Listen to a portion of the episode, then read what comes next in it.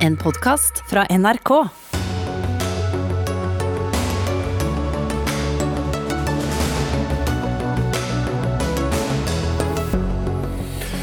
Arbeiderpartiet vil ha et uh, sterkere statlig eierskap i norsk næringsliv og tydeligere krav til bedriftene. Dette tilhører fortiden og er en aktivistisk politikk med mistillit til bedriftene, svarer Høyre. Ni av ti gatenavn i Bergen er oppkalt etter menn. Det skal byrådet endre på, og vil innføre et påbud om kvinnenavn. Dette er et hån mot både kvinner og likestilling, sier Frp. Regjeringen lovet å forby terapi som skulle få homofile til å bli heterofile. Fortsatt er forbudet i det blå. Det er regjeringen som trenerer, ifølge Arbeiderpartiet. Og ja, vi elsker smittevernrestriksjoner. Årets 17. mai-feiring blir veldig lik fjorårets. Da sier vi velkommen til eh, Dagsnytt 18 denne torsdagen. Jeg heter eh, Espen Aas, der vi også skal diskutere hvor lenge vi bør ha krisepakker rettet mot næringslivet, og hvorfor vi fortsatt skal behandle lakselus på en måte som er smertefullt for laksen. Men vi skal begynne med et uh, tema som utvilsomt skiller våre to største partier, nemlig statlig eierskap. Der har Arbeiderpartiet varslet en ny linje i sin næringspolitikk, der staten skal være en mer aktiv eier i de selskapene hvor staten altså eier. Lønnsomhet skal ikke være eneste mål. Partiet åpner også for å kunne øke sitt statlige eierskap, men eh, dette er ikke aktiv næringspolitikk. Det er aktivistisk politikk fra fortiden, sier du, kommunal- og moderniseringsminister Nikolai Astrup fra Høyre. Hva, hva legger du i dette? Nei, Det Arbeiderpartiet nå åpner for, er jo å skrote den statlige eierskapspolitikken som vi har vært enige om i 30 år. Eh, ved at de nå sier at de skal blande seg bort i kommersielle beslutninger som fattes i store børsnoterte selskaper. Det mener jeg er svært uheldig, fordi det vil føre til at vi innfører en statsrabatt i disse selskapene. Det kan bety tap av store altså milliardverdier for fellesskapet, og også tap av vanlige folks arbeidsplass eh, på sikt. Så åpner vi også for at staten skal kjøpe seg inn i såkalt strategisk viktige selskaper. Og Da er det verdt å minne om at det forsøkte de også eh, under den rød-grønne regjeringen sist. De kjøpte seg opp i Aker Kværner Holding. Det tapte vi fellesskapet, tapte 4,5 milliarder kroner på det. Vi husker også satsingen lenger tilbake i tid. Eh, Norsk jernverk som gikk dundrende konk eller Årdal Verk, som gikk dundrende konk. Okay. Det er mange eksempler på at dette ikke er fremtidens politikk, dette er fortidens politikk. Og det er en grunn til at Arbeiderpartiet forlot denne linjen. For det var ikke bra for Norge, det var ikke bra for fellesskapet, og det var ikke bra for vanlige arbeidsfolk. Ja, Espen Barth Eide, stortingsrepresentant fra, fra, Arbeiderpartiet. Spoler dere tiden tilbake til eh, Arbeiderpartiet fra da du selv gikk i kortbukser? Nei, vi ser framover, faktisk. Men det er riktig det, at eh, en gang i tiden så hadde vi en eh, mer aktiv næringspolitikk som satte kurs og rett retning, f.eks. da vi gikk inn i oljealderen og etablerte Statoil, men også la til rette for en hel pakke av virkemidler som gjorde at Norge fikk verdens klokeste oljepolitikk uten sammenligning. I den, I den, store pakka så inngikk altså et aktivt eierskap opprettelse av et statlig selskap som het Statoil, som nå heter Equinor, eh, og det var en viktig del av den historien. Men det vi gjør nå, er å si at vi er veldig tydelige på at de hevdvunne prinsippene for ansvarlig eierstyring skal stå ved lag. Det betyr at man skal eh, utøve eierskapet sitt i åpenhet, sånn at alle kan se det. Det skal skje på generalforsamling ved valg av styrer. Eh, så det er ikke snakk om en aktivisme aktivisme hvor det sitter en statsråd og griper inn i enkeltbeslutninger. Men det betyr at staten må være tydeligere på hva som er statens formål med å eie ting. Og Det skal selvfølgelig lønne seg, men det kan være formål utover det. Det kan f.eks. være å beholde strategiske ressurser i Norge, strategisk kompetanse i Norge, hovedkvarter i Norge, og at staten fortsatt sitter og kontrollerer noen av de kommandohøydene som gjør den private økonomien mulig. Det er en del av en internasjonal trend. hvor man har gått litt... Men dere snur jo veldig ja. med hva dere har hatt med før. Under Jens Stoltenberg så solgte man seg jo ned eierandelen. Jeg var med da også. Jeg var med da også. Det var en trend eh, også blant eh, sosialdemokrater rundt omkring i Europa. Tony Blair var en av de som satte i gang dette. at nå skulle vi, Også vi mene at nå burde staten trekke seg litt tilbake fra markedet. Markedet klarte seg best selv. Staten ja, så det var feil? det, det var i hvert fall ikke riktig for vår tid. fordi den gangen så så framtiden, altså morgendagen så omtrent ut som gårsdagen, forestilte vi oss. Men nå skal vi gjennom en massiv omstilling i økonomien. Altså Vi skal gå fra en fossil til en fornybar økonomi, fra en eh, eh bruk-og-kast-økonomi til en sirkulær økonomi. Vi har veldig dårlig tid på oss. Det er masse skaperkraft i næringslivet, mange gode aktører. Det er mye privat kapital som tenker om dette.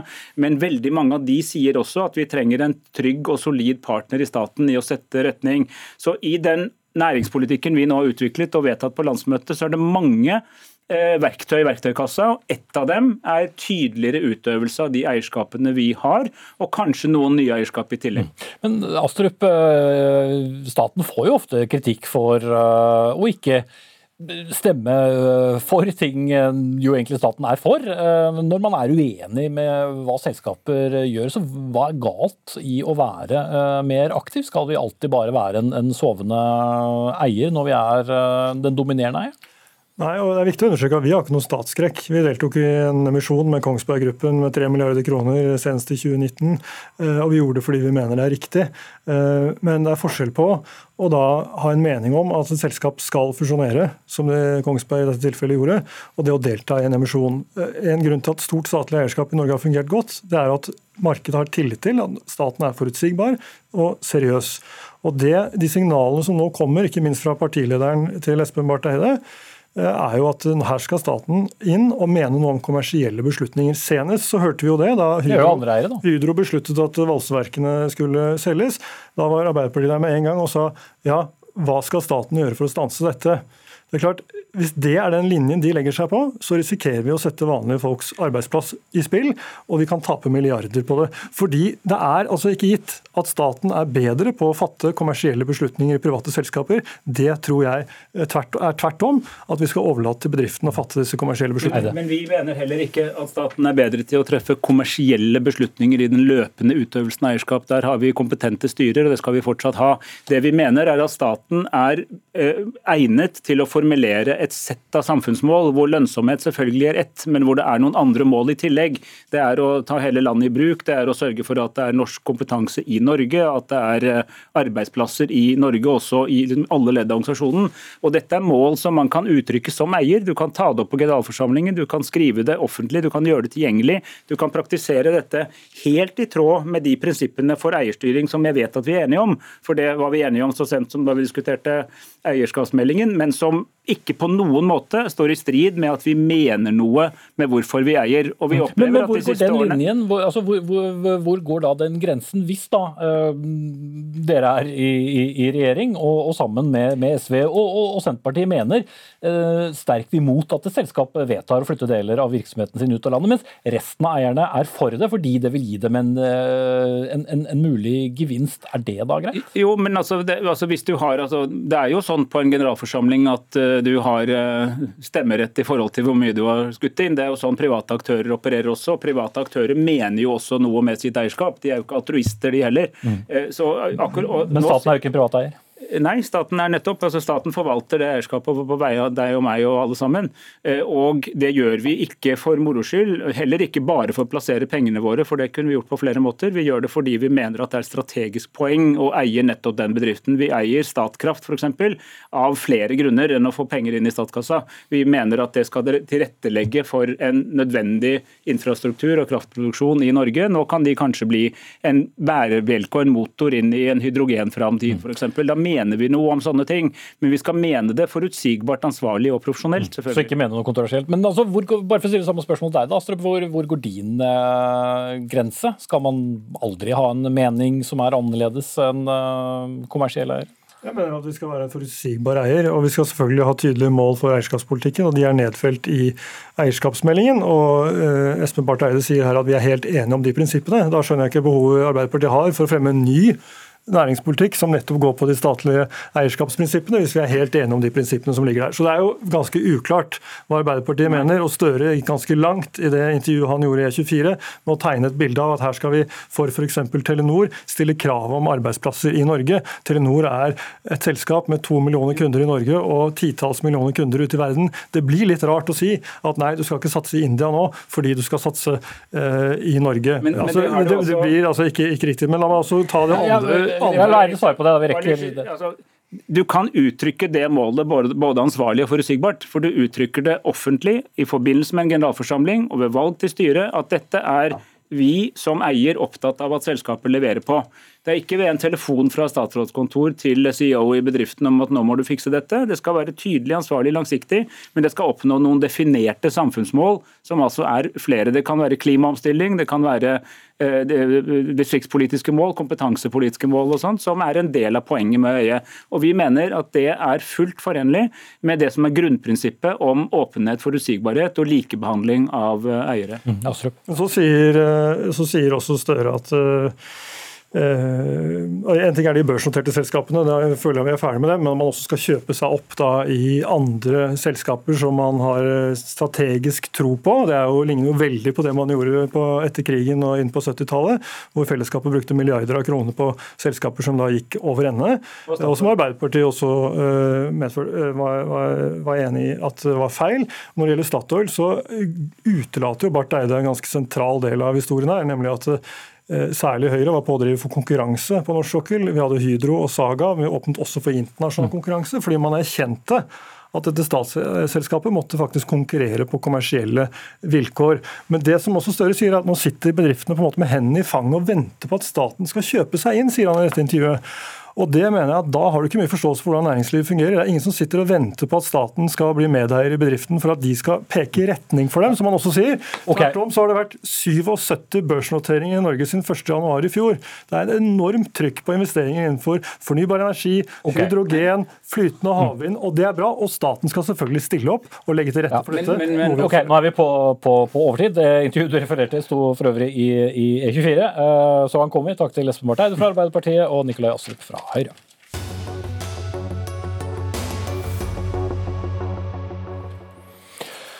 Går du rundt i eh, Bergen og ser på gatenavnene, så ser du stort sett mannsnavnet. Ni av ti gater er oppkalt etter menn. Vi har eh, Arne Garborgs gate, Kristis gate, Dag Hammarskjølds gate og Rasmus Meyers allé, for å nevne noen. Det vil eh, byrådet i Bergen gjøre noe med. Neste uke så vedtar de nemlig et forbud mot å oppkalle flere gater, plasser og kommunale anlegg etter menn, frem til kjønnsbalansen er betydelig bedret. Saken vedtas i byrådet torsdag om en uke, og um, byrådet i Bergen det består da av Arbeiderpartiet, MDG, Venstre og KrF. Og Katrine Nødtvedt fra MDG, du er også likestillingsbyråd.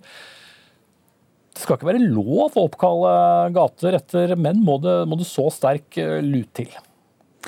Det vi vedtar neste uke, det er jo at byrådet sjøl ikke vil Eh, navnsette flere gater, plasser og kommunale bygg etter menn. Så eh, mer enn det er det ikke.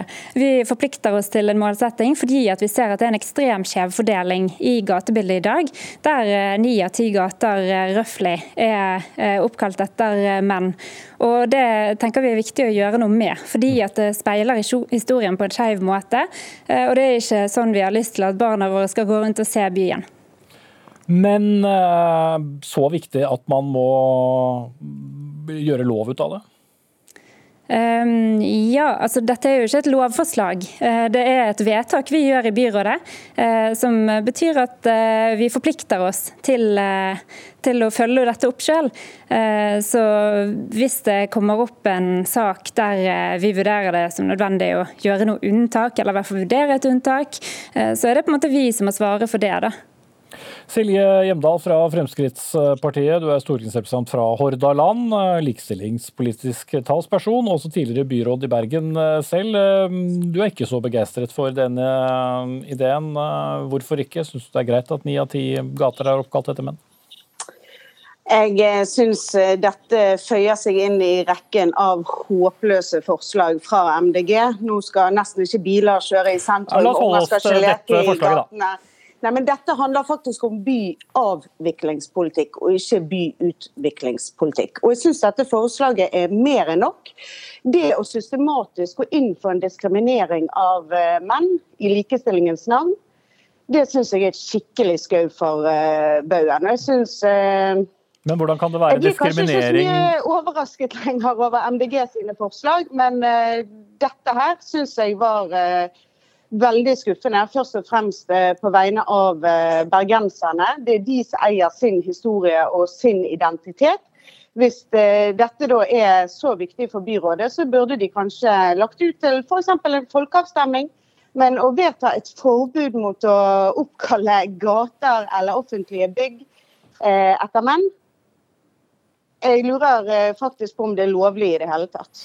Eh, vel, så har vel eh, også byens innbyggere valgt eh, sine politikere, som igjen gjør vedtak, kanskje. Men hva ville du gjort, eller syns du det bare er greit som det er? Nei, altså for all del. Jeg, jeg, tenker at det er mange kvinner i Bergen som hadde fortjent en gate, en allmenning eller et torg oppkalt etter seg. F.eks. Cecilia Brekkhus, for all del Trude Drevlands hjørne. Altså, Jeg er helt med på det, men å vedta et forbud mot å oppkalle ting etter menn, det syns jeg er en direkte diskriminering av menn, i en tid der vi ser at gutter og menns problemer ikke blir tatt på alvor. Uh, og jeg syns det, det, er trist at, uh, at, det er byrådet som skal gå inn for dette forbudet. Så mitt alternativ er at man må gjerne komme med gode forslag og gjøre gode faglige vurderinger på hvem som skal få noe oppkalt etter seg. Og legge det gjerne ut til folkeavstemning. Det skal jeg heie på, og jeg skal være med og stemme. Men et forbud eh, mot eh, menn, det syns jeg er systematisk diskriminering okay, av action, og det er ugreit. Det er poengtert. Men, men Nødtvedt, det er jo ikke sånn at man eh, daglig navngir nye veier og, og, plasser. Dette vil jo ta veldig lang tid å rette opp denne kjønnsbalansen, hvis det da er ni av ti som har mannsnavn i dag. Da kommer det ikke til å bli en eneste mannsvei eller plass på flere generasjoner? Nei, eh, jeg tror eh, hvis man holder det tempoet som man har hatt i dag, så vil det nok ta flere hundre år før man er på 50-50. Eh, men heldigvis så har vi noen store utviklingsprosjekter på gang. Vi skal utvikle en ny bydel på Dokken, en veldig sentrumsnær bydel. Der vi forhåpentligvis får veldig masse nye gater og plasser som vi kan navngi etter kvinner. Og etter 950 år, når det bare er mellom 20 og 30 navnsatte gater og plasser etter kvinner i byen da, så tenker jeg at vi må ty til veldig drastiske tiltak tiltak for å faktisk vise at vi mener alvor for å få rettet opp i den skjevheten. Mm. Men har dere lov til å gjøre det, som, som Hjemdal stiller spørsmålet? Hun har jo sågar sendt et skriftlig spørsmål til eh, statsråd Abid Raja om det er, er lovlig. Har dere sjekket ut det? Det blir spennende å høre hva likestillingsstatsråden svarer. Jeg tenker jo at Hvis eh, det viser seg at det eh, undertrykker noens muligheter i livet og å ikke få tilstrekkelig med gater og plasser og bygg oppkalt etter sitt kjønn, så er jo det kvinner som blir diskriminert, sånn som situasjonen er i dag. Så Da syns jeg at det er veldig rart å angripe tiltak som skal gjenopprette eller opprette en kjønnsbalanse som aldri har vært der. For vi syns det er viktig. Hører på kritikken som kommer at mange mener dette er symbolpolitikk politikk. Men likevel så er det noe som vekker mye følelser. Det viser at symboler faktisk er viktig. Mm. Uh, Hjemdal uh, forteller da ikke alle disse gatenavnene egentlig en historie om at Bergen for det meste har hatt uh, store og viktige menn, mens det jo veldig strengt tatt også har vært mange sterke og viktige kvinner, og fortsatt er det? det har vært mange sterke, tøffe damer fra Bergen. Og heldigvis så kommer det mange flere i årene etter oss. Og historien kan vi ikke gjøre så mye med. Men vi kan skrive fortsettelsen. Men jeg synes jo det er merkverdig at MDG nå på prinsipielt grunnlag skal si at f.eks. en hedersmann som Kurt Oddekalv ikke skal kunne få noe oppkalt etter seg i denne byen. For en så basal ting for hva han har eller hadde mellom beina. Det blir for meg fullstendig fjernt. Det tror jeg de gjør for de fleste bergensere. Jeg tror vi er rett og slett litt møkk lei sånn eh, symbolpolitikk mm. som eh, dette. Bare for å gripe det kort til slutt, da, Nødtvedt. Hva, hva, hva, skal til for at det blir et, et mannsnavn på, på stedet eller, elvei som et spesialtilfelle? Nei, Det må vi jo ta hvis eh, de forslagene helt konkret kommer på konkrete steder eh, i byen eller bygg som skal bygges.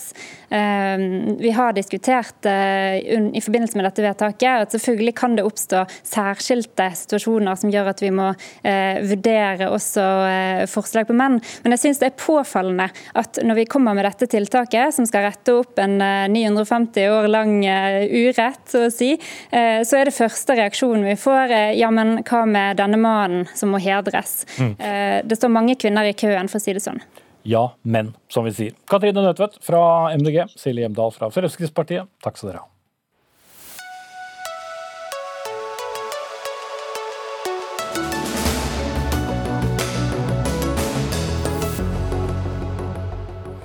Det skal bli forbudt med såkalt homoterapi, eller konverteringsterapi. Det vedtok Stortinget i 2019. Det er altså terapi eller bønn for at homofile eller bifile skal endre sin seksuelle orientering til å bli heterofile. Dette vedtaket kom bl.a.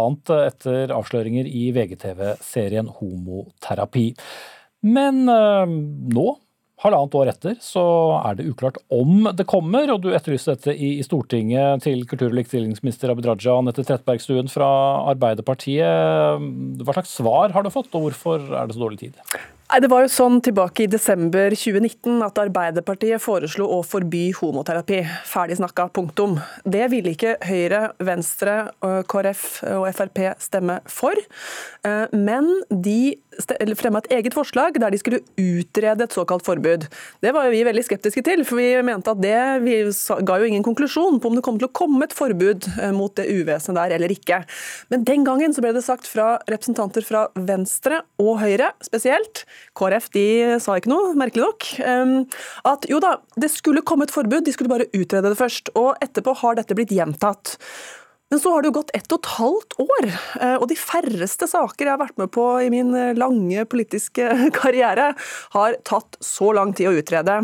Derfor så etterlysa dette i Stortinget på tirsdag, og da slapp likestillingsministeren katta ut av sekken. For da sa han at vi utreder og vi utreder, er ikke, utredningen er ikke ferdig ennå. Og så skal vi konkludere om hvorvidt vi skal fremme en sak om et forbud. Mm.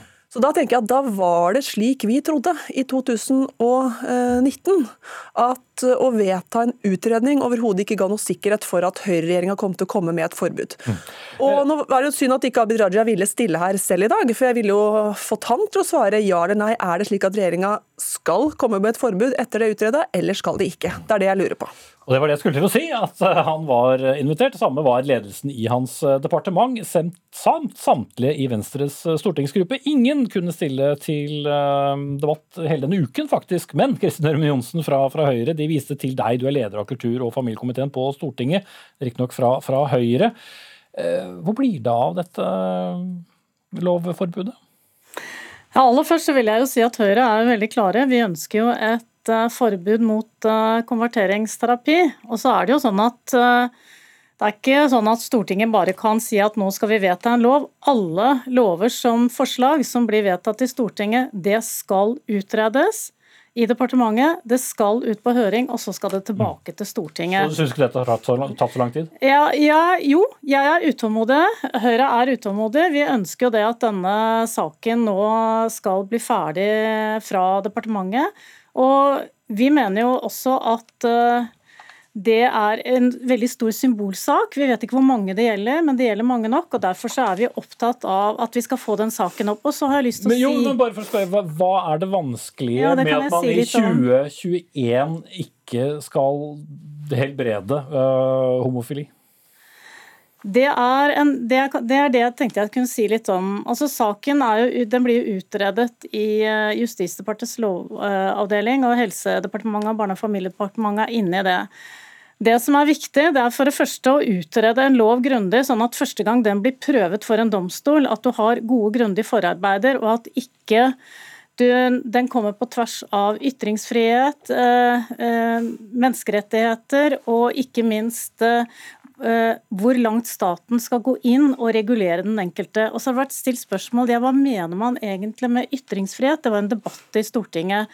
Og med det, det menes Veldig komplisert om et uh, jo, spørsmål. Jo, men altså det handler jo om uh, Når man snakker om ytringer i denne sammenhengen, så, uh, som, så handler det om religiøse ytringer. Det betyr eksempelvis da Kan en prest be for deg? Kan du som et voksent menneske si til en prest, imam eller en rabbiner kan du be for meg, jeg, eh, jeg, er et voksent menneske, jeg sliter med disse tankene. Kan man gjøre det, eller kan man ikke det? Og Det er det som nå er til utredning. Og Jeg har en forventning om at departementet klarer å løse disse flokene. Jeg vet at de også har sett det internasjonalt arbeid rundt det, og at man, vi skal klare å få frem dette nå raskt. Er det det som er da såkalt homoterapi? Akkurat det du sa noe om ytringsfrihet, det er vel ikke det? Nei, det er, altså terapibegrepet er jo litt flytende, men det handler om egentlig hvor er grensedragningen, hvor er gråsonen når dette eventuelt okay. prøves i en rettssak. Så må man være veldig klar på at ikke loven bare faller. Vi i Høyre er som sagt ja, utålmodige. Det, det, det, har du sagt så mange ganger nå at jeg slipper til Trettebergstuen. Ja, nei, altså For å gjøre det klart, eh, homoterapi, eh, det med å, bedrive handlinger og påstå og legge utilbørlig press på LHBTI-personer for at de skal forandre seg fordi at de er feil, det er, eh, det er, overgrep, rett og slett. Det fører til at folk får depresjon, folk får psykiske problemer, mange tar livet av seg. Og det pågår i Norge, og det viste VGTV-serien fram, og har skapt en bevissthet rundt dette her. Nå er det sånn at Dette her er jo ikke nybrottsarbeid. det er flere flere, mange europeiske land som har eh, innført et forbud mot homoterapi. Og det har de gjort eh, etter at EU-parlamentet eh, e har bedt sine medlemsland om å gjøre dette her. FN har også gjort det. Fordi det dreier seg om at du skal få dine grunnleggende menneskerettigheter som LHBTI-person ivaretatt. Og det er, jo, det er jo ikke sånn at det at homoterapi kommer i konflikt med verken religionsfrihet eller ytringsfrihet. Det er lov å, og det skal være lov å si og mene at homoterapi er flott og fint og virker. Det skal du få lov til å si. Men å drive med det er en annen ting. Det er en handling. Det samme med religionsfrihet. Religionsfrihet handler om at du fritt skal få lov til å utøve din religion og få lov til å tro på det du vil. Men hvis du driver med handlinger som krenker andres menneskerettigheter og andres menneskeverd, ja, så er det ikke lenger innenfor det som regnes som mm. ytringsfrihet og menneskerettigheter Jeg, Jeg har en teori, har en teori om hvorfor dette tar så lang tid. Men Jeg mener jo det at det er jo jurister som, sitte, som sitter og uh, jobber med dette. Og jeg er helt enig, det er skadelig, det er utilbørlig press, og vi mener veldig klart det bør forbys. Men det er jo da eh, du reiser problemstillingene nettopp. Hvor er grensedragningen rundt? Men er ikke grensedragningen nettopp at du, du, kan selv bli bedt om, som du sa, da, og bli, bli bedt for fordi du har problemer med din egen seksualitet, men ingen skal ja, men, alle. ja, men jeg har bare lyst til ja, men jeg bare lyst til å si at du kan ikke ta et lovverk verken i Tyskland eller Canada som jobber med dette, bare automatisk implementere det. Og, de, og, Spørsmålet er også hvor langt det går. Vi ønsker å gå så langt at det, mm. en totalforbud er faktisk mulig. Okay. Og det er det ikke disse landene. Ja, jeg tror nok det er mye lovgivning og forarbeider fra uh, sammenlignbare land man kan ta etter. Og, og, det er også anbefalinger fra, fra, EU, men selvfølgelig skal det utredes her hjemme, slik vi gjør med alle saker. Det er bare det at det er merkelig at dette her tar så innmari lang tid. I mellomtida har man klart å utrede og komme med flere andre, mye mer kompliserte saker til Stortinget.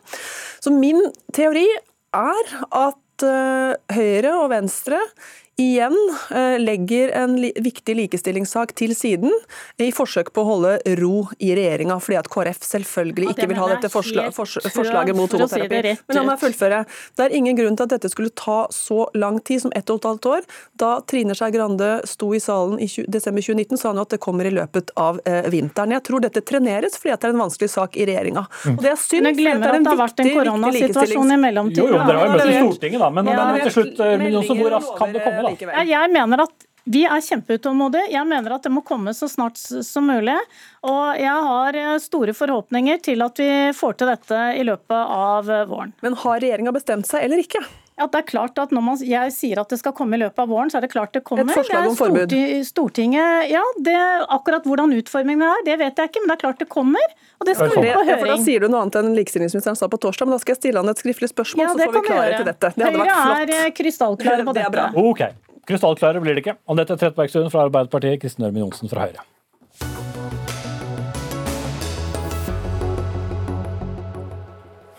Mattilsynet sier fortsatt ja til en omstridt metode for behandling av lakselus. Dette er tortur mot fisken, hevder Dyrevernalliansen. Det skal vi diskutere litt senere i sendingen.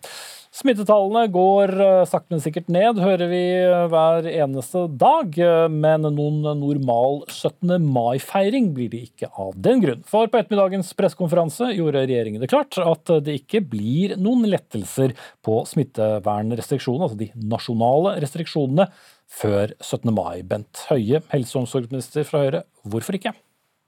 Nei, Det er jo rett og slett eh, det samme som for så vidt sa når vi la fram gjenåpningsplanen. At eh, fra vi går fra ett steg til det neste, så bør det gå minst tre uker der vi ser at det er en stabil situasjon. Og Nå gikk vi inn i første steg i forrige uke, og heldigvis så ser dette ut som vi er inne i nettopp det vi trenger, en stabil, positiv utvikling. Men den bør vare i eh, minst tre uker før vi går i, i steg to. Og Da har vi valgt nå å si at vi lager ikke noen egne regler for 17. mai. Jeg tror folk syns nå at nå, nå, er det liksom greit å ikke ha for mange endringer i disse reglene og forholde seg til de som nå gjelder å planlegge ut ifra det. Og så kan det bli lett. Men i min almanakk så er det bedre enn tre uker til 17. mai?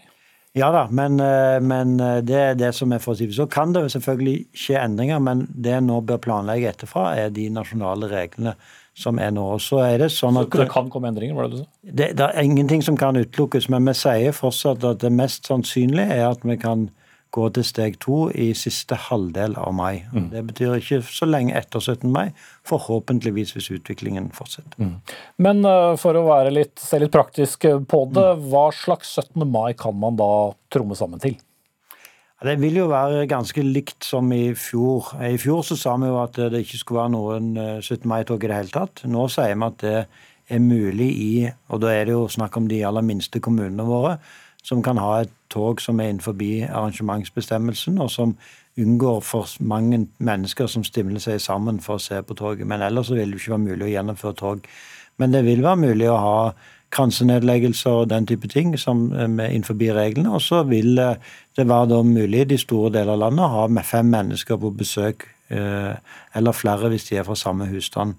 Eh, så det er de reglene som, som, som gjelder, som vi nå er, er, for så vidt er kjent med. Mm. Så det blir like livlig 17. mai-feiring som vi har feiret bursdager og andre sammenkomster ja, i månedsvis? Ja, dessverre så gjør det det, men jeg tror at det, veldig mange er nok enig med oss at uh, vi er nå i en fase der det er en positiv utvikling. Vi ønsker å komme over i uh, neste trinn, og da må vi være sikre på at vi, vi klarer å, unngå å få en ny smitteøkning. For det ville jo vært veldig dumt hvis vi hadde fått en smitteøkning etter den helgen og ikke kunnet gått over i andre fase, som jo er veldig, jeg vet veldig mange er opptatt av. at skal. Så, så, selv om eh, R-tallet ser ut til å være godt plassert eh, under én, eh, og at antall nye smittefeller, nå også smittetilfeller som det heter, har, har falt kraftig per døgn, så, så, er det langt fra godt nok til å, å, å, kunne lette.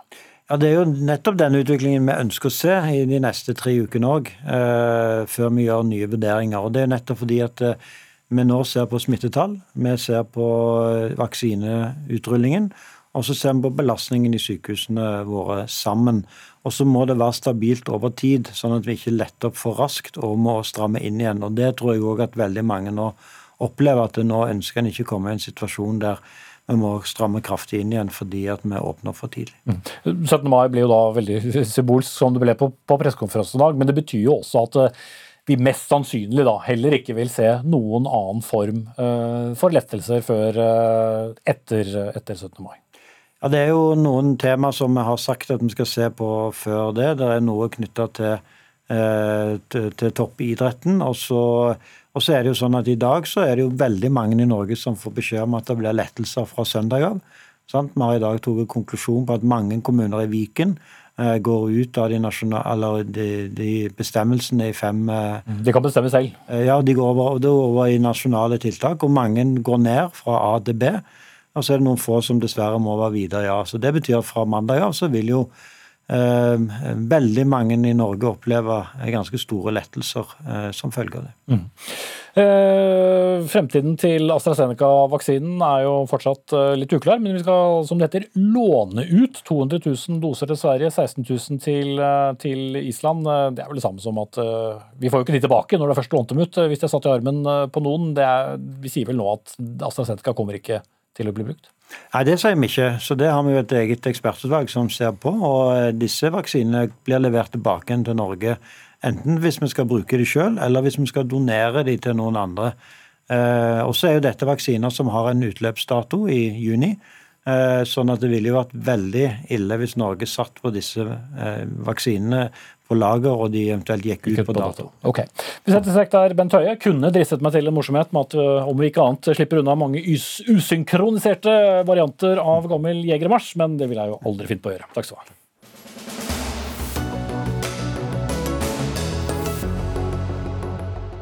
Og Vi fortsetter litt i denne muntre koronastemningen som eh, vi har eh, vært i. For eh, første nestleder i Fremskrittspartiet, Sylvi Listhaug, og sjeføkonom Øystein Dørum i NHO har havnet i en skal vi kalle det en litt nordkrig om økonomiske hjelpetiltak nå i det som forhåpentligvis er slutten av eh, koronaen. For mens eh, NHOs eh, Dørum sier det er på tide at markedet nå får rå, og dermed avslutte mange av de økonomiske hjelpetiltakene, kalte Sylvi Listhaug uttalelsen for utrolig på Stortingets talerstol. Hva, hva var det som var utrolig, Sylvi Listhaug?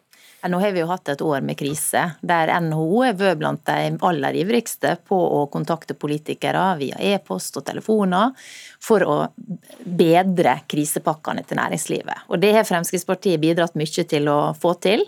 Men når du vender dem, da er du uenig?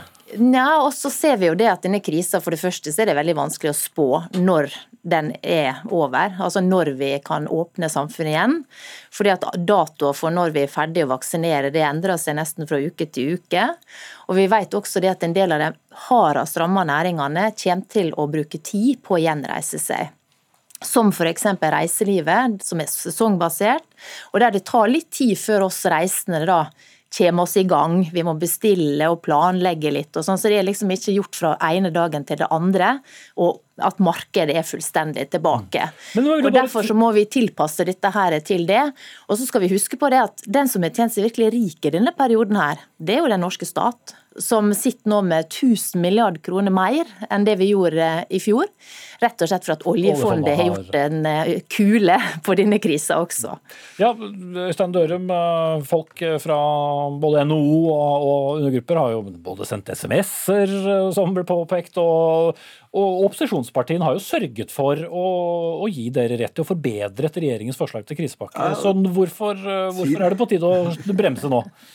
Til de grader. Og, og, og, den posisjonen NHO har hatt under hele pandemien, har jo vært at eh, så lenge smitteverntiltak hindrer normal forretningsdrift, så bør bedriftene kompenseres for det. ene grunnen er at noen har satt dem i frontlinja uforskyldt. Eh, de blir fratatt muligheten til å skaffe seg egne inntekter. Og det andre er at man trenger bedriftene og arbeidsplassene de representerer, også når krisen er over. Og når jeg skriver det jeg skriver, så handler dette om at vi bruker forferdelig mye penger på dette. 370 eh, milliarder kroner har det gått ut av oljefondet eh, de siste to årene. Utover normalbruk, for å si det sånn. Eh, det reduserer varig uttak med 11 milliarder kroner i året. Og når vi nå øyner slutten på krisen, men ikke før, ja, da må vi si til oss sjøl at uh, det har vært en forferdelig reise, men vi tror den tar slutt. Og da skal vi tilbake til det vi vet gjør økonomien vår vekstkraftig. Men hvis du da tar bort uh, støttehjulene, så vil jo mange som kanskje trodde de hadde en jobb å gå tilbake til, oppleve at uh, nei, faktisk, det var ikke liv laga. Så vi må inn i en så brutal tid etter denne brutale? Ja, og her er vi nok ikke så veldig uenige når vi ser på enkelte næringer. Luftfarten snakker om at det er 2024-2025 før de er tilbake til normalen. Mange reiselivsbedrifter er sesongbedrifter. Glepper på 2021-sommersesongen, så må de vente et år til. En festival som ikke blir arrangert i år, den må vente et år til. Så det er mange bedrifter som dels kommer til å slite med sviktende omsetning en stund til og dels ha med seg en del ubetalte regninger, bl.a. til staten. og På den bakgrunn har vi sagt lav reiselivsmoms litt til. Vi har sagt uh, at man må se på avdragstid på, på skatteregningen til staten osv. Men vi kommer heller ikke unna at på et eller annet tidspunkt så vil vi se flere konkurser. Vi har sett færre i den største krisen i, i, nyere tid. Vi kommer til å se flere konkurser framover. Og enda flere du river av, av, av hele plasteret. Mens hvis da NHO, eller hvis du mener at NHO hadde, hadde, rett når de kom og ba om mer penger, hvorfor har de ikke da rett hvis de sier at uh, nå trenger vi ikke lenger? Fordi at Vi ser at enkelte næringer kommer til å bruke tid på å komme seg opp igjen. og Det er også levekraftige bedrifter. Vi vet jo at innenfor reiselivet for eksempel, så er det mange som greide seg veldig godt før krisen, som har tapt veldig masse penger i krisen, og som har et marked når dette her starter opp igjen. Så Dørum taler eh, mot, uh, mot det mange av hans bedrifter ja, altså, ville mene? da? Noen av bedriftene. altså Jeg vil vil jo være overraska hvis NHO Reiseliv er enig med Dørum i at vi bare fra ene dagen til den andre skal fjerne alt som har av støtteordninger. Det tror jeg de ville fått store problemer med mange av sine medlemsbedrifter. Dette handler om å sikre arbeidsplassene til folk. Det handler om at staten, som nå har brukt svært inngripende tiltak, skal stille opp for de bedriftene som da sliter tungt. Og det må vi nok bruke noe tid på. Men det handler også om vanlige folk. Fordi at det er klart eh, Framover så kommer vi til å måtte bruke mer penger på helsevesenet, fordi at køene er økt. Vi hører om unge som nå er sterkt rammet av spiseforstyrrelser. Det er økt kraftig. Psykisk plage. Mm. Men det har vel ikke så mye med disse hjelpepakkene å gjøre? Jo, men det har med pengebruken totalt sett å gjøre at vi kommer til å måtte bruke mer penger også neste år på å håndtere mm. Så flere ekspansive budsjetter. Men så skal jeg bare si at Fremskrittspartiet har ikke mål om å bruke mest mulig penger. Eh, og vi ønsker å kutte. Vi ønsker å kutte i bistand, vi ønsker å kutte innvandring, integrering. Jo, jo, vi, vi ønsker å kutte eh, symbolske klimatiltak. Men, men, ja, men, bare for å forklare da, Både plusser og minuser. Her er det mye jeg ikke skal diskutere. Ja, det var derfor jeg satte et lite punktum også. Men eh, hvis det skulle da bli sånn, og det kan det jo godt bli, at stortingsflertall sier at ok, ok, dere må gjerne mene at vi skal ta plasteret nå, men vi vil ha på plasteret en stund til. Mm. hva skjer da med økonomien? Hva er det du da er eh, nervøs for? Nei, gjør, det da, gjør det da mer vondt bare litt senere? Det, det, er to, to, svar på det. og Det, det ene er at dette, dette koster. Altså, uttaket fra oljefondet. Uttaket fra oljefondet. Sylvi Listhaug må gjerne vise til at oljefondet har vokst uh, siste, siste året. Men det er jo ikke det vi legger til grunn, at disse unntaksårene hvor aksjemarkedet går fantastisk eh, godt, at de årene kommer til å gjenta seg selv. Det er en grunn til at man har en handlingsregel hvor man legger til grunn et fast varig uttak på, på 3 av, av det som er innestående i, i fondet. Så at eh, Den henvisningen kjøper jeg ikke. Disse pengene kommer et sted fra, og disse pengene reduserer våre framtidige forbruksmuligheter. Det er liksom den ene siden av saken. Den andre siden av saken er at når bedrifter kan stå på egne ben, så skal de stå på egne ben. De skal betale skatt, de skal ikke motta støtte. Her håper jeg vi er enige. enige. Og eh, dessverre er det også slik at noen av disse virksomhetene eh, de skal ikke tilbake der de var, i hvert fall ikke før om lenge. Da skal ikke arbeidskraften eh, som hører til eller sogner til de næringene, de bedriftene, eh, gå og vente på å komme tilbake til de bedriftene, men de skal eh, søke til andre jobber.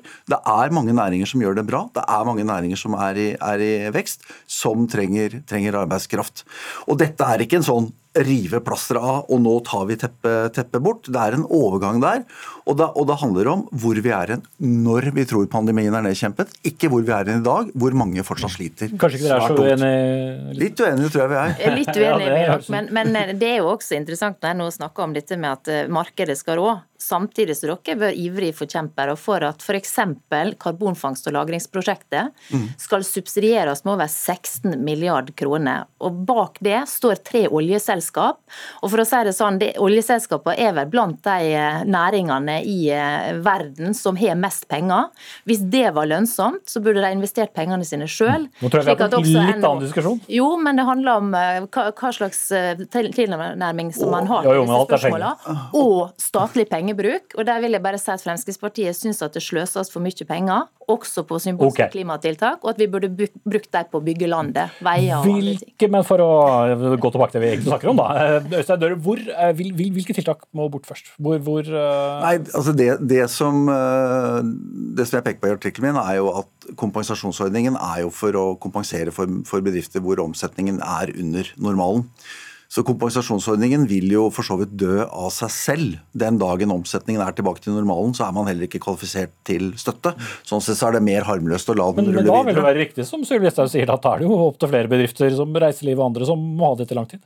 Jo, men så kan du heller ikke fortsette med den type støtte i, uh, i, en, i en, svært lang tid framover. Fordi på et eller annet tidspunkt så må du erkjenne at vi er over i en annen virkelighet. Ta digitaliseringen, uh, som innebærer at vi kommer til å reise mindre framover, i hvert fall på forretningsområdet, enn det vi har gjort. Det, det endrer etterspørselen. Det endrer behovet etter f.eks. hotellsenger og etter, etter eh, flyseter. Mm. For du vil vel helst bruke penger der pengene også gir eh, arbeidsplasser og, og inntekt, og ikke holder dem kunstig i livet? Ja, ja, absolutt. og Det er ikke noe mål for oss å bruke mest mulig penger. Men Fremskrittspartiet ønsker å bruke pengene annerledes. Vi ønsker å prioritere det som er kjerne i velferdsmodellen. Vi ønsker å stille opp for bedrifter som nå sliter. og Det er rett og slett fordi at staten har påført dem veldig strenge restriksjoner. og Da må også staten stille opp. Mm. Så får vi se når dette berømmelige plasteret kan i hvert fall begynne å ja, ikke rive seg, pirke seg, kanskje. Takk til Øystein Dørum, sjeføkonom, ja, sjeføkonom i NHO, og Sylvi Listhaug, første nestleder i Fremskrittspartiet.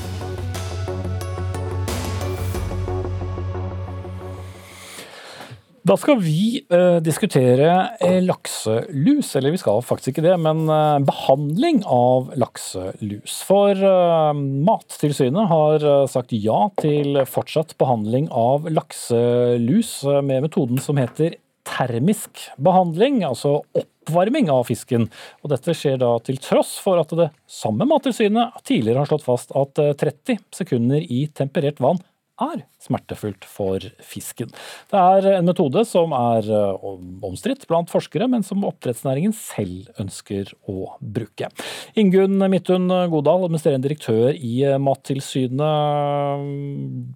Dere ble enige om å være uenige med dere selv?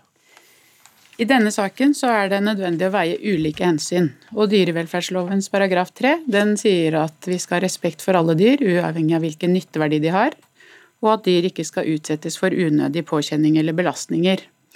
Og Så er spørsmålet i denne saken om dette er en nødvendig eller en unødvendig belastning. Og Da har vi kommet til at det er nødvendig å ha en behandlingsmetode mot lus, både med tanke på oppdrettsfisken, men også med tanke på villaks, sjøørret og sjørøye. Mm. For at skadene da er, er større enn om man ikke behandler det på akkurat den måten? Er, skadene er større dersom man ikke behandler. Og så finnes det ulike behandlingsmetoder, men de vi har tilgjengelig i dag, har negative konsekvenser. Mm. Så derfor er det viktig eh, å, kunne, å, kunne, behandle mot lus, både med tanke på laks, laksen, men også med tanke på villfisken. Mm. Live Kleveland, kommunikasjonsleder i Dyrevernalliansen. Dere og andre dyrevernere har reagert kraftig på denne beslutningen til, til Mattilsynet, og, og, kaller det for den største unnlatelsessynden i norsk husdyrhold noensinne, faktisk. Er det, er det så ille? Dette er veldig alvorlig. Eh, jeg vil gjerne forklare hva som egentlig skjer. Det som skjer er at laksen pumpes inn i kar med for den brennhett vann. Grader, ja. Eh, der får den panikkreaksjoner. Dette er grundig dokumentert gjennom flere forskjellige studier fra Havforskningsinstituttet, fra Veterinærinstituttet. Jeg har selv sett filmer av eh, laks som får panikkreaksjoner i karet. De hopper, de spretter, de får skader på snuten og finnene og kroppen sin fordi de stanger inn inn i karet og i andre fisk. Eh, og etter eh, fem minutter så er fire av eh, fem fisk døende. Mm. Men det er ikke så lenge i, i karet som fem minutter? Nei, men det, det, si, det, sier jo noe om hvilke smertestimuli dette påfører fisken. Og da er Dyrevernalliansen opptatt av hvorfor gjennomfører vi en slik åpenbart smertevoldende behandling på husdyr, som laksen jo er. Mattilsynet innrømmer jo også at det er smertevoldende. Og det er altså fordi eh, fiskeoppdrettet i Norge er så intensivt at det fører til et stort luseproblem. Merdene ligger tett i tett. Det gjør at lusa sprer seg raskt. Fiskene står tett i tett i merdene. Det gjør også at lusa sprer seg raskt. Det er et profittjag uten mm. sidestykke i norsk fiskeoppdrett som er årsaken til at fisken påføres disse lidelsene. Mm. Vi, vi har med bransjeorganisasjonen skal komme til de eh, litt senere. Men, men, men uh, Godal, er dere, er dere uenige da med, med, med Kleveland om, om, beskrivelsen av, av, av, smerten? For det er vel det dere egentlig også har er, konkludert med selv, at dette er ikke bra for laksen? Vi er helt enig i at eh, termisk behandling eller dette varme vannet at det påfører fisken smerte som resulterer i en panikkreaksjon.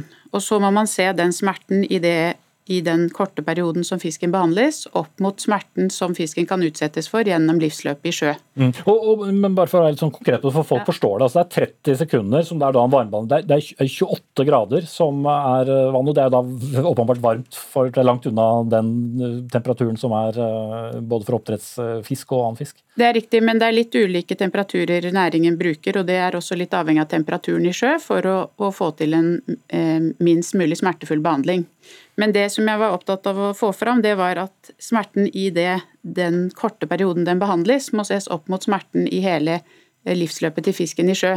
Og da er det sånn at det er plagsomt for laksen å ha lus, og det er også eh, plagsomt for laksen å bli utsatt for flere behandlinger med en behandlingsmetode som er mindre effektivt.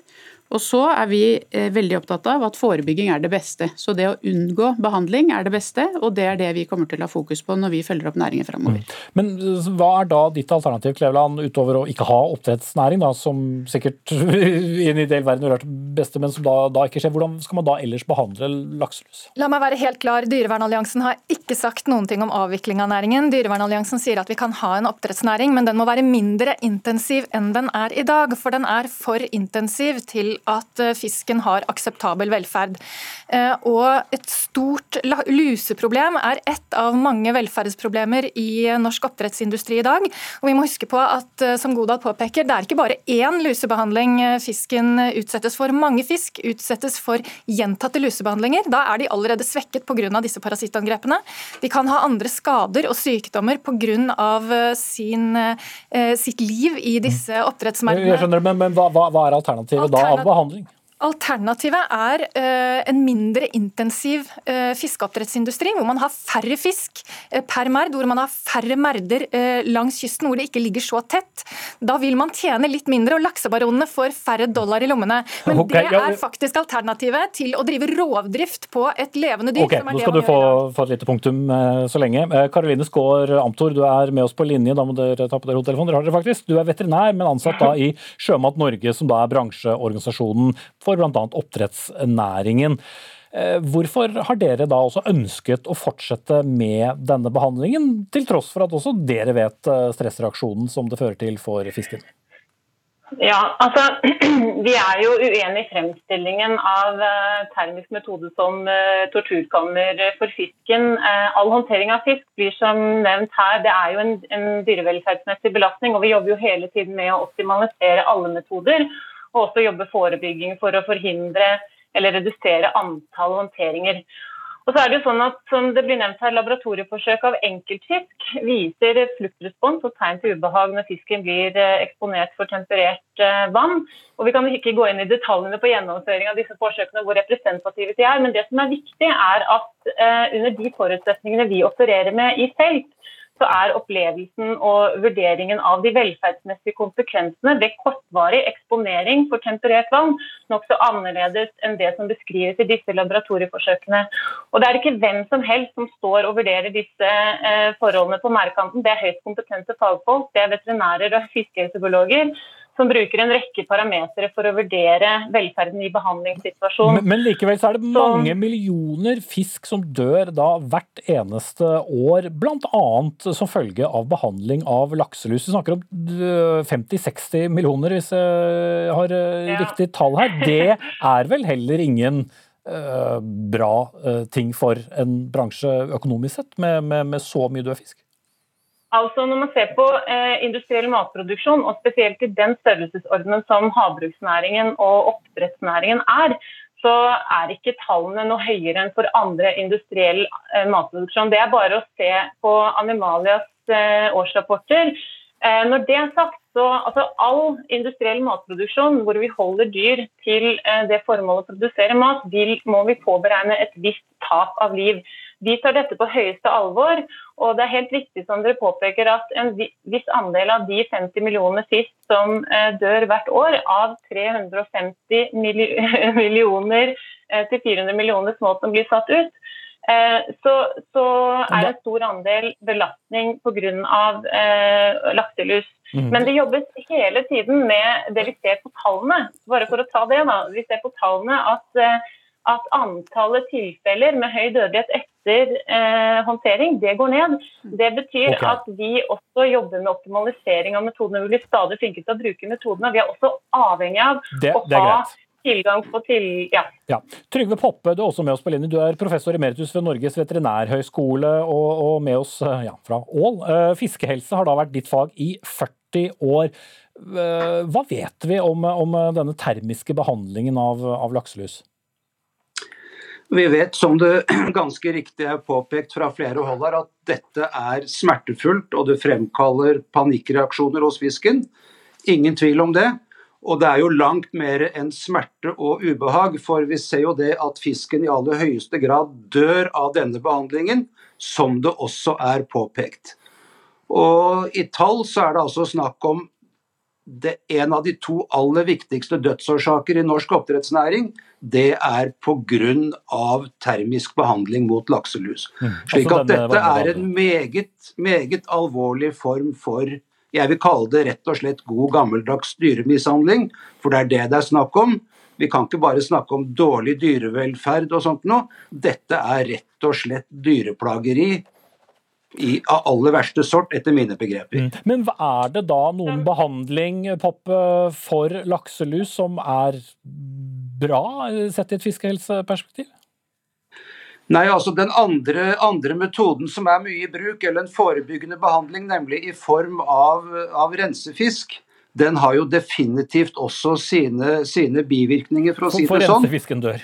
Fordi at rensefisken dør, bortimot 100% av dem, som stryker med som en skal vi si, en uskyldig tredjepart i dette her. Så det er definitivt ikke noe bedre i det hele tatt. Det, men hva er løsningen? Er du da enig med, med, med Kleveland om at det, næringen da må nedskalere, og det vil redusere lakselus? Definitivt. altså Saken er jo den at denne næringen har fått vokse relativt uhindret i hele sitt livsløp, og har nå kjørt seg selv opp i et hjørne. Fordi at man har altså overbevist politikere og embetsverk om at det å produsere fisk det er omtrent som å produsere spiker og pizza, men dette er en biologisk produksjon. Og det er noe helt annet enn en tradisjonell industriell produksjon. Da vet jeg at du, du... Uh, Amtor brenner etter å, ja. å svare på det. Pappa. Ja, det må jeg nesten bare si. Det er en opplevelse som altså det, det, er en helt annen beskrivelse enn det vi opplever. Eh, og det er ingen som er tjent med at fisken eh, verken har det fryktelig vondt eller at den dør i bøtter og spann. Det jobbes intenst med optimalisering av metoder. Og vi får tilbakemelding fra felt at termisk metode ofte vel så gjerne kan være en metode som er velferdsmessig og også effektmessig med tanke på lusa bedre under eh, visse forutsetninger. Men hvorfor kan det ikke da nedskaleres, som både Poppe og Kleveland påpeker? da? Altså, Vi har jo eh, tilfeller av eh, lokaliteter som er i midt i ganske oppdrettstette soner, som, eh, som, gjør det veldig bra, som ikke har avluset en eneste gang. Så dette med, med antall lus i en region, det, er, det kommer på, an på mye mer enn bare hvor mye fisk det er. Det har med produksjonsstrategi å gjøre, med utsettsstrategi, forebyggende tiltak. Okay. Og det er absolutt viktig, altså det er ingen som er mer enig enn oppdrettsnæringen selv og fiskeoppdretterne at, eh, at, vi skal produsere på fiskens og naturens premisser. Ok, Da setter jeg et eh, lite men, punktum der, for ja. vi nærmer oss uh, slutten. Men jeg vil slippe til de to i studio. Også Godal først, og så Kleveland. For det første så er det viktig for meg å få fram av at vi er enige om at det må bli bedre fiskehelse, bedre fiskevelferd og lavere dødelighet. Og For det andre så har jeg lyst til å nevne konklusjonene i Veterinærinstituttets fiskehelserapport for 2020. Der sier de at bildet med tanke på dødelighet og velferd og helse er sammensatt, men at behandling mot lus er en av årsakene. Og så er dette et område hvor det er stor kunnskapsutvikling. Det foregår mange store forskningsprosjekter, og næringen selv jobber med å optimalisere metoden. Så det vi kommer til å ha fokus på framover, det er forebyggende arbeid i næringen, og i tillegg å følge opp de aktørene og virksomhetene som har høyest dødelighet og dårligst fiskehelse og fiskevelferd. Mm. Men eh, noe aner meg at du er ikke helt fornøyd likevel, Klevan? Ja, her ser vi altså at norsk eh, fiskeoppdrettsindustri eh, forsøker å benekte anerkjent forskning fra Veterinærinstituttet og Havforskningsinstituttet, eh, og velger å basere norsk eh, oppdrettsindustri på grov dyremishandling. Dyrevernalliansen tror det er en dårlig strategi for norsk eksportnæring i fremtiden. Mm. Du rekker faktisk å få svar på det, Amtor. Ja, nei, Det er absolutt ikke riktig. Altså, det, det, er, eh, det, er, så mye penger som bevilges både til eh, forskning og kunnskapsutvikling. og eh, det, er, ja, er, det, er, absolutt ikke riktig. vi, vi, vi, er opptatt av at, å bruke de erfaringene vi har fra felt, og bruke den kunnskapen som genereres fra forskningen. For Det er veldig viktig å se det store bildet når man jobber med, jobber med noe så komplisert som biologisk produksjon. og Det er heller ikke riktig at vi tror vi produsere spiker og kofferter. fordi Er det noen som er opptatt Nei, jeg, jeg tror heller ikke det. Jeg tror nok dere vet at dere produserer uh, fisk. Men jeg må sette strek der. Uh, da takker jeg til Karoline Skaar Amtor i Sjømat Norge, Trygve Poppe, professor emeritus ved Norges veterinærhøgskole, Ingunn Midtun Godal, administrerende direktør i Mattilsynet, og Live Kleveland, kommunikasjonsleder i Dyrevernalliansen. Dag Dørum var ansvarlig for denne sendingen. Hanne Lunås tok seg av det tekniske. Jeg heter Espen Aas, og jammen kommer vi tilbake med ny sending i morgen.